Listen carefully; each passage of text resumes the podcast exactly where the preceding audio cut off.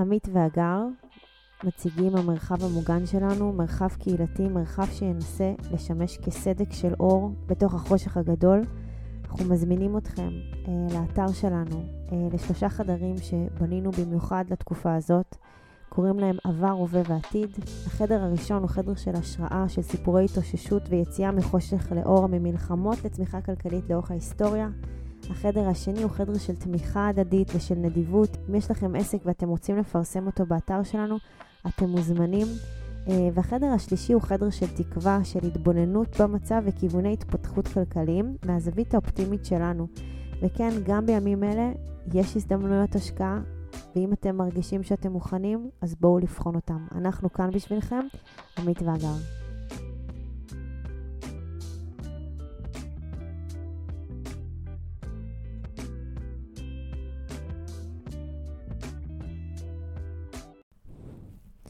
היי חברים, הימים הם ימים קשים לכולנו, הרבה סבל, אבל וקשיים מכל מיני סוגים אה, שרק הולכים ונערמים, שחלק אפילו אנחנו לא יודעים איך להתמודד איתם.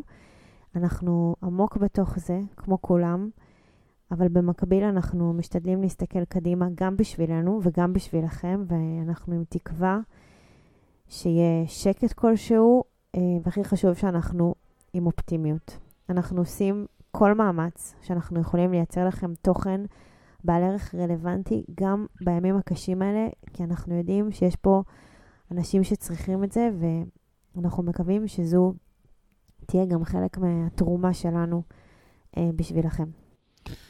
כן, אז התוכן uh, שלנו זה גם הפודקאסט הנוכחי, שכמו כל המדינה, גם אנחנו נעצרנו ב-7 באוקטובר. אנחנו, כאמור, העלינו פרק כל שבוע, עצרנו ב-7 באוקטובר, אבל במתח הזה שבין uh, לעצור את הכל לגמרי לבין אותה אופטימיות שאגר דיברה עליה, אנחנו בוחרים באופטימיות, ובמסגרת האופטימיות אנחנו uh, מחפשים אחרי פיסות מידע אופטימיות, מעשיות, מקדמות.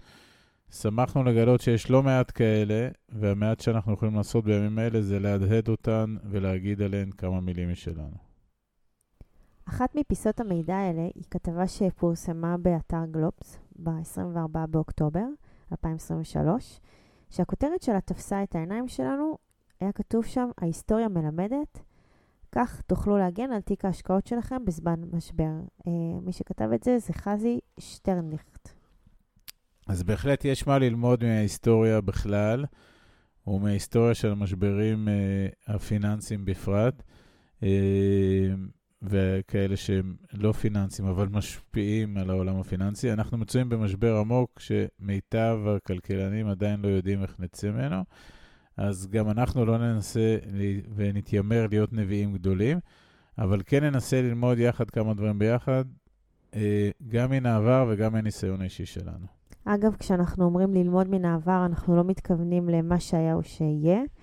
כי אין באמת דבר כזה, אין copy-paste. אה, לכל מציאות יש את ההקשר ייחודי משלה, הקשר ספציפי שמורכב מרכיבים ספציפיים ולא כאלה שחוזרים על עצמם, אבל באותה נשימה ממש אפשר להגיד שחשוב להכיר את ההתפתחויות בעבר, כדי לחשוב וללמוד איך הן יכולות להשתלב בהווה ובעתיד שלנו.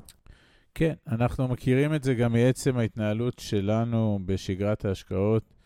עסקה שלא צלחה, ויש כאלה לעיתים, יכולה להיות מבחינתנו משבר של ממש.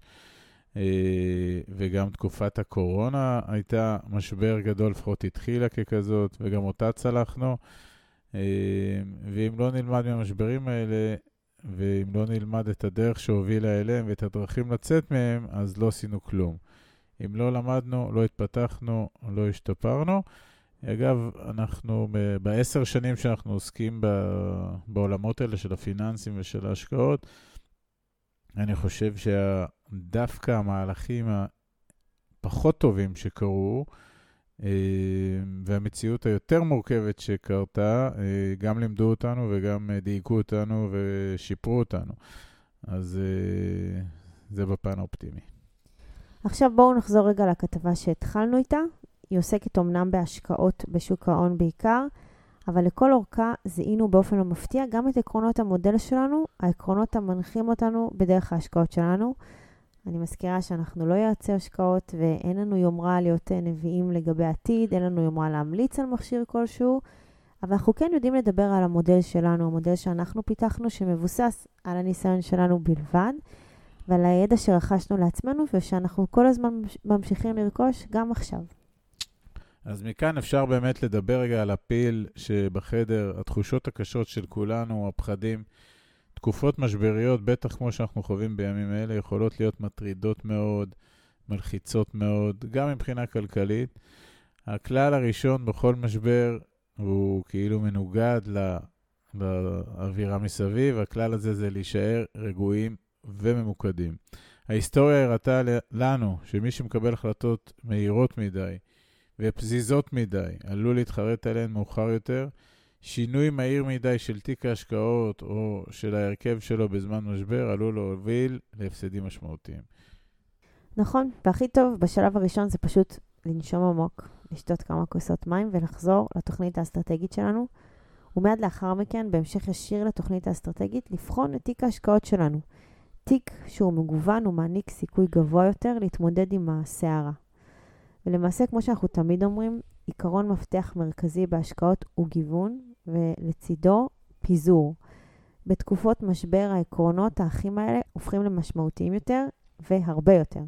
אז למי שחדש בעולם הזה של השקעות, נגיד רק במשפט, שכשאנחנו דואגים לגיוון ולפיזור ההשקעות שלנו על פני סוגים, אפיקים ויעדים שונים, אנחנו בעצם מצמצמים סיכונים. Uh, הרעיון הוא בשגרה, לא שיש משבר, אלא בשגרה, כל הזמן לפזר את ההשקעות אה, בכלל המודל שלנו הוא מודל שנשען על השקעות שהן אלטרנטיביות לשוק ההון, מתוך תפיסה ששוק ההון, אחד, הוא מאוד תנודתי, ושתיים, הוא רוב הכספים של רוב האנשים בשוק ההון, ולכן בנינו מודל שכבר מבדל את עצמו משוק ההון. אה, אז זה כבר פיזור וגיוון ראשון, ואז בהשקעות האלטרנטיביות שאנחנו עושים, אנחנו כל הזמן אה, נחפש אה, גם שוני בגיאוגרפיה שבה אנחנו משקיעים, וגם שוני עם השחקנים שאיתם אנחנו משקיעים, וגם שוני ב- ב- ב- בדברים שאנחנו משקיעים, באפיקים שאנחנו משקיעים, ושוני במטבעות שבהם אנחנו משקיעים. אנחנו כל הזמן מייצרים פיזור בימי שגרה ושלום, ואז מה שאנחנו מגלים, שבמשברים, גם אם אחד או שניים חוטפים, אז במעטפת, המודל יודע לתקן ולייצר גם אה, הכנסות ממקורות אחרים. אז הדבר הזה הוא מאוד מאוד חשוב תפיסתית. נכון, ודוגמה שאפשר לדבר עליה היא משבר אה, בועת הדוט-קום של תחילת שנות האלפיים. כשהבועה הזאת התפוצצה, משקיעים רבים שהתמקדו בענף הטכנולוגיה ראו את תיק ההשקעות שלהם פשוט צונח, אבל אלה שפיזרו את ההון על פני מגזרים שונים, זה פחות השפיע עליהם. כן, אז דוגמה הזאת, ויש כמובן עוד מלא דוגמאות, אה, כל פעם יש איזשהו הייפ. אה, אז בואו נדבר רגע קונקרטית על השקעות אלטרנטיביות שבהן אנחנו ממוקדים. איך הן משתלבות באסטרטגיה להגנה על תיק ההשקעות שלנו במהלך משבר. טוב, אז זה נכון תמיד, אבל באמת בזמן משבר גדול, השקעות אלטרנטיביות, ואני מזכיר עוד פעם, האמירה אלטרנטיביות זה אלטרנטיביות לשוק ההון. אה, הן יכולות להיות חלק מכריע מאסטרטגיית ההשקעות שלנו. הסיבה המרכזית היא המתאם הנמוך, קורלציה מה שנקרא, בדרך כלל, שיש בינן לבין נכסים פיננסיים מסורתיים, דוגמת מניות ואיגרות חוב.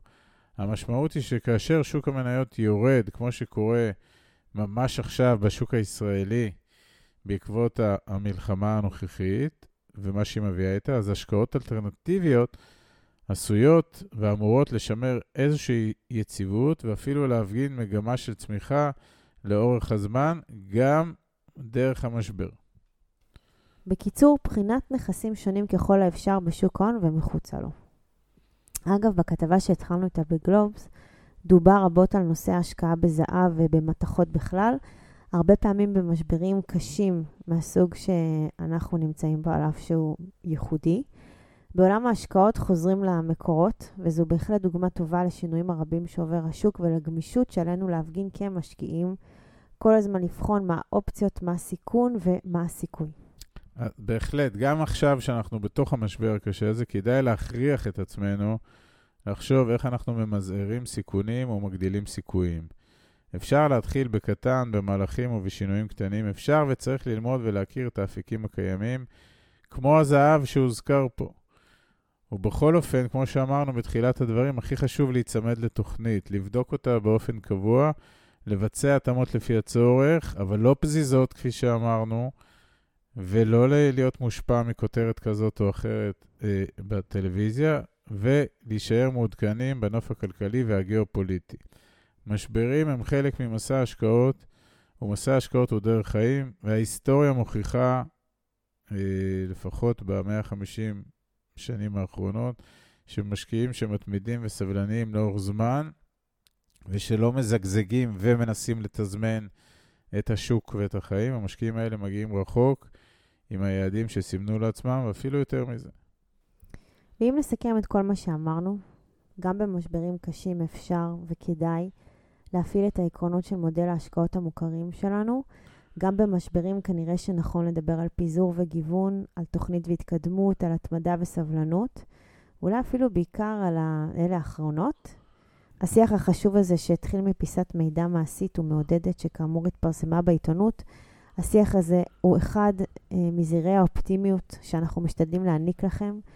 ולסיום, אנחנו ממש חותמים על השורה התחתונה בכתבה החשובה הזו, שמיוחסת לאנליסט של בנק לאומי, ניר אורגד, שאומר, מה שנכון בשגרה נכון גם עכשיו, כדאי לשאוף לתיק השקעות עם תמהיל רחב ומפוזר היטב, שמיועד להתמודד עם מצבי עולם יותר מורכבים ותנודתיים.